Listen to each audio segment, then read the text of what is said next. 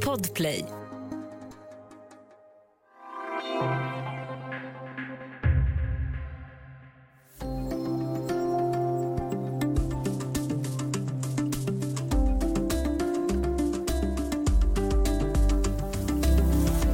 Sverige ska ut ur pandemin, alla ska på fötter igen och dessutom är det valår nästa år.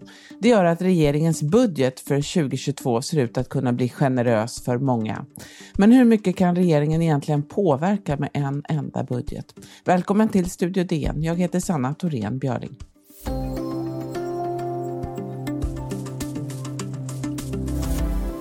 Nådiga luntan har den ju kallats, den här tjocka pappersbunten som har burits på budgetpromenaden mellan Rosenbad och riksdagen i hjärtat av Stockholm.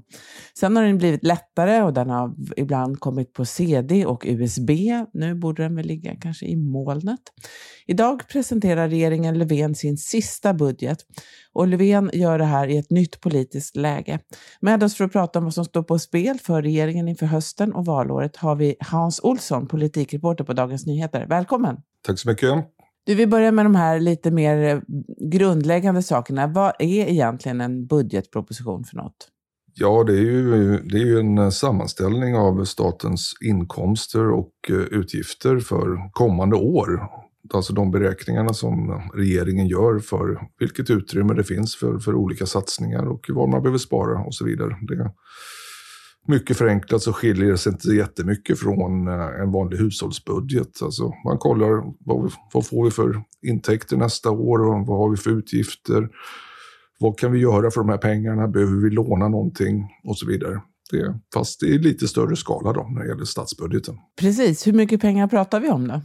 Ja, man brukar avrunda det till i runda slängar tusen miljarder och, och det är, eh, ibland är det lite under, ibland är det lite över. Så det omfattningen är ungefär 1000 miljarder. Det är mycket pengar. Och de här pengarna, eh, varifrån kommer de om man bara ska reda ut det?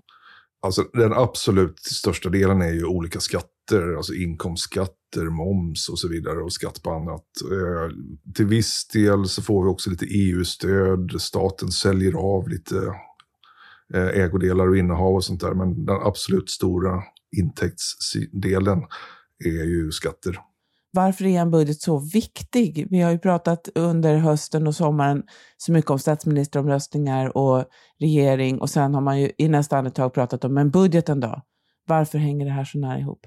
Ja, det är ju det att eh, väldigt mycket av det som staten vill göra kostar ju pengar.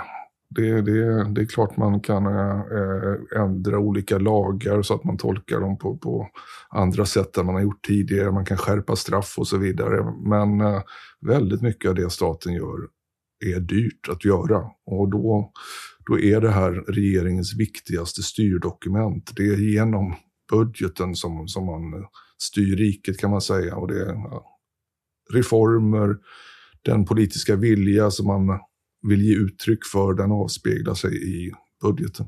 Och sen är det valår nästa år, då brukar det vara en fläskigare budget pratar man ju om. Men hur, hur stora är de där skillnaderna? Vad skiljer egentligen en valårsbudget från en, en vanlig budget?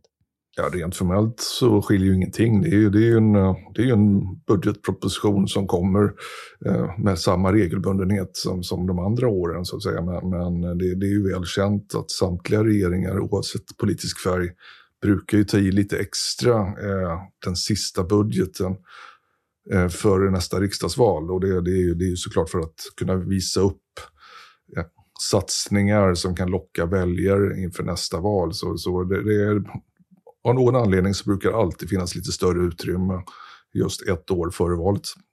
Om man vill satsa väldigt mycket pengar så räcker ju inte alltid pengarna och då måste man låna.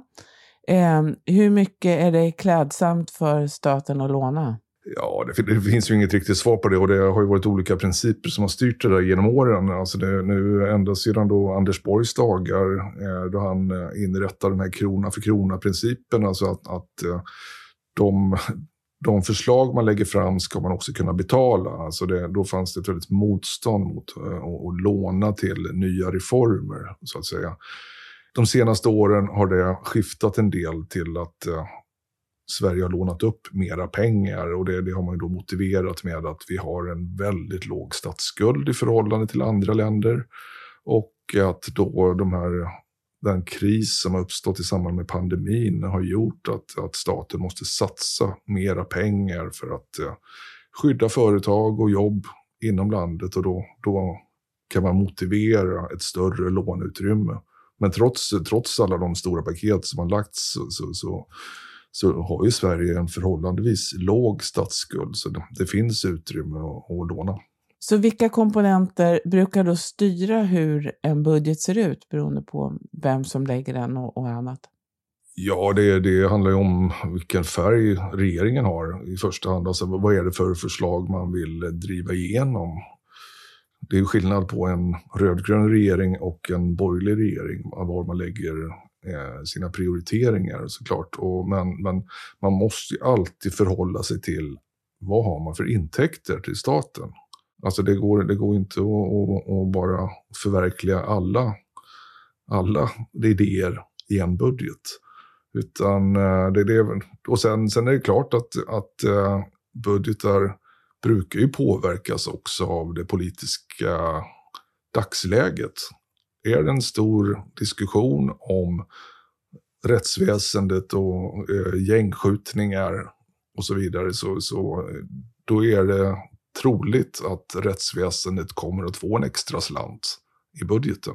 Efter valet 2014 så misslyckades Stefan Löfven med att få stöd för sin budget och då fick ju Alliansen, som ju fortfarande fanns då, fick ju fler röster för den budget som de la.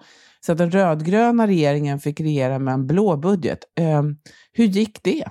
Ja, om, det beror nog på hur man frågar, men för, för den rödgröna regeringen, de tyckte inte alls att det gick bra. Men eh, de, de eh, var ju tvungna att administrera det här Eh, som riksdagen hade beslutat. Det är trots allt riksdagen som bestämmer och inte regeringen. Och, och nu, nu blev det på det här sättet eftersom då Sverigedemokraterna eh, avvek från den tidigare praxisen och eh, istället för att lägga ner sina röster i den, den eh, slutliga budgetomröstningen så röstade de ju på den alliansbudgeten.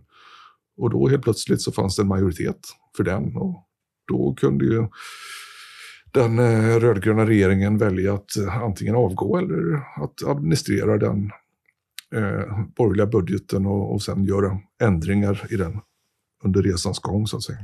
Vi ska strax prata mer om hur budgeterna kan se ut i ett nytt politiskt landskap.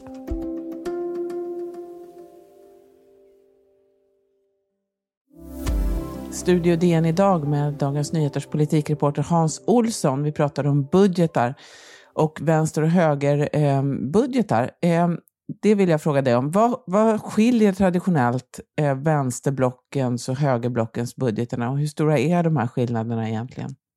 Ja, det skiljer ju en del såklart. Och det, det beror ju på liksom den grundläggande eh, ideologiska inriktningen som man har antingen från höger eller vänsterhåll. Men det, det, eh, från vänsterhåll så är det ju generellt så att man vill se en större inblandning från statens sida i, i människors vardag och i politiken i stort. Medan eh, eh, då den borgerliga sidan också väldigt generellt gärna sänker skatter och eh, betonar människans eh, individuella val och frihet. Det, och sånt avspeglar sig ju naturligtvis i budgeten. Eh, sen, sen kan man ju säga det att väldigt stora delar av budgeten är det ju ingen som helst konflikt om. Det handlar ju om att eh, ganska mycket pengar går till olika myndigheter och så vidare. Och de har ju sina anslag och där, där finns det ingen stor politisk konflikt. Men just när det gäller sånt som, som handlar om människors vardag, då, då, då skiljer det en del såklart.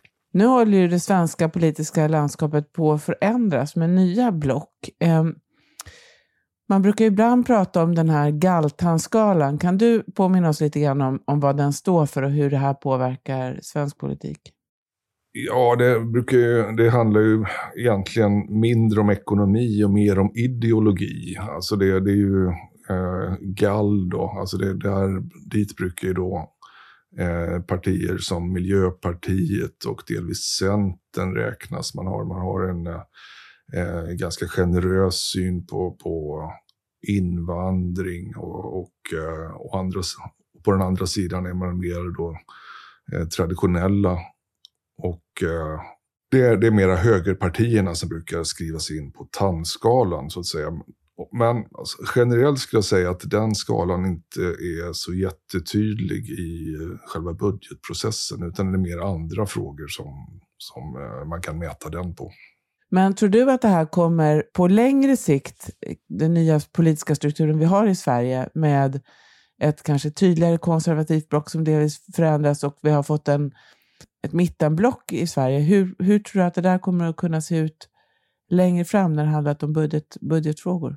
Ja, alltså det, det, är svårt att veta, men det, det, ska man ta något avstamp i det där så, så kan man ju titta på den budgetprocess som pågår nu när, när eh, Socialdemokraterna och Miljöpartiet ska försöka skärma både Vänsterpartiet och eh, eh, Centerpartiet för att få stöd för sin budget. Alltså, det blir ju ett kompromissande eh, åt både höger och vänster så att säga för att, eh, för att få igenom sin budget.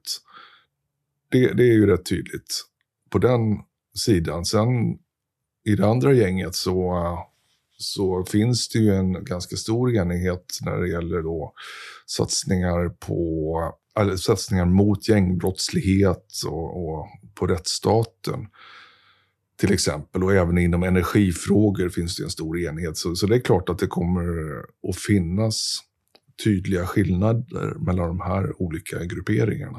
Det är det. Du var ju inne på de här, den här förhandlingsprocessen som pågår nu och som kommer att, säkert debatten som kommer att prägla hösten. Det är ju väldigt spännande. Eh, flera av, av satsningarna som kommer nu är ju, är ju kända. Och vad innehåller den här budgeten lite kort?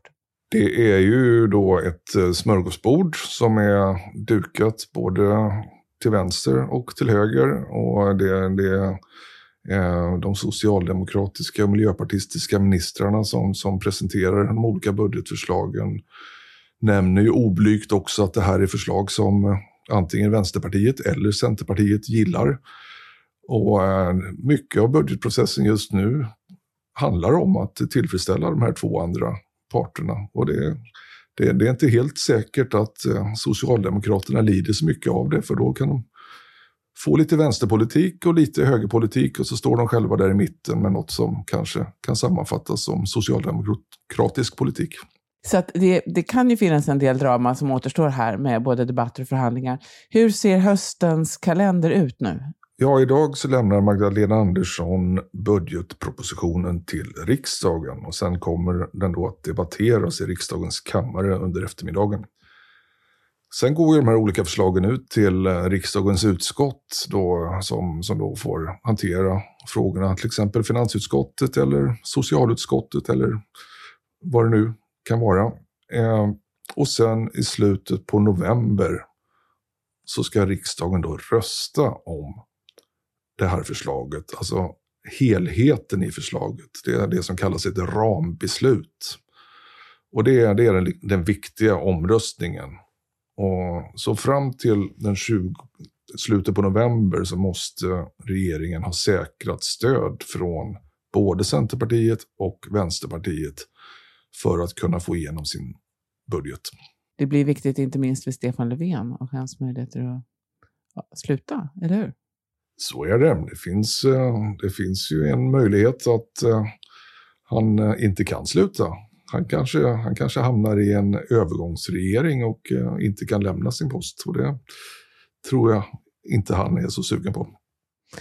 Vi ska avsluta bara med en fråga som handlar om nästa års val då och i sammanhang med budgeten. Vinner man val om man har lagt en poppis budget?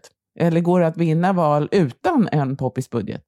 det är nog ingen nackdel att man är lite populär ett valår. Det, det, sen om det räcker till att vinna val, det återstår väl att se. Men det, men det är klart att eh, om, om man kan då lägga sådana förslag som eh, märks i människors vardag tillräckligt mycket för att det, det ska gå att koppla det till förslagen i budgeten, då, då är det klart att det, det, är positivt för de partierna som kan ta åt sig äran för de här de förhoppningsvis förbättringar i människors vardag. Så, så, så det, det, är ju ingen tillfällighet att de här valårsbudgeterna brukar vara lite väl tilltagna. Och, och det ska man ju också säga att det är ju ett väldigt stor, stort reformutrymme som, som regeringen har det här året. 74 miljarder, det, det är ju ungefär tre gånger så mycket som, som eh, ett normalår. och, eh, så det kommer, ju, det kommer ju vara satsningar som märks för stora väljargrupper. Sen om det är tillräckligt för att vinna ett val, det, det kan bero på så mycket annat. Men eh, det, det är ingen nackdel i alla fall. Vi kommer få alla anledningar att återkomma till dig, eh, Hans Olsson. Tack för att du var med idag. Tack själv. Om du vill kontakta oss på Studio DN så går det bra att mejla till studiodn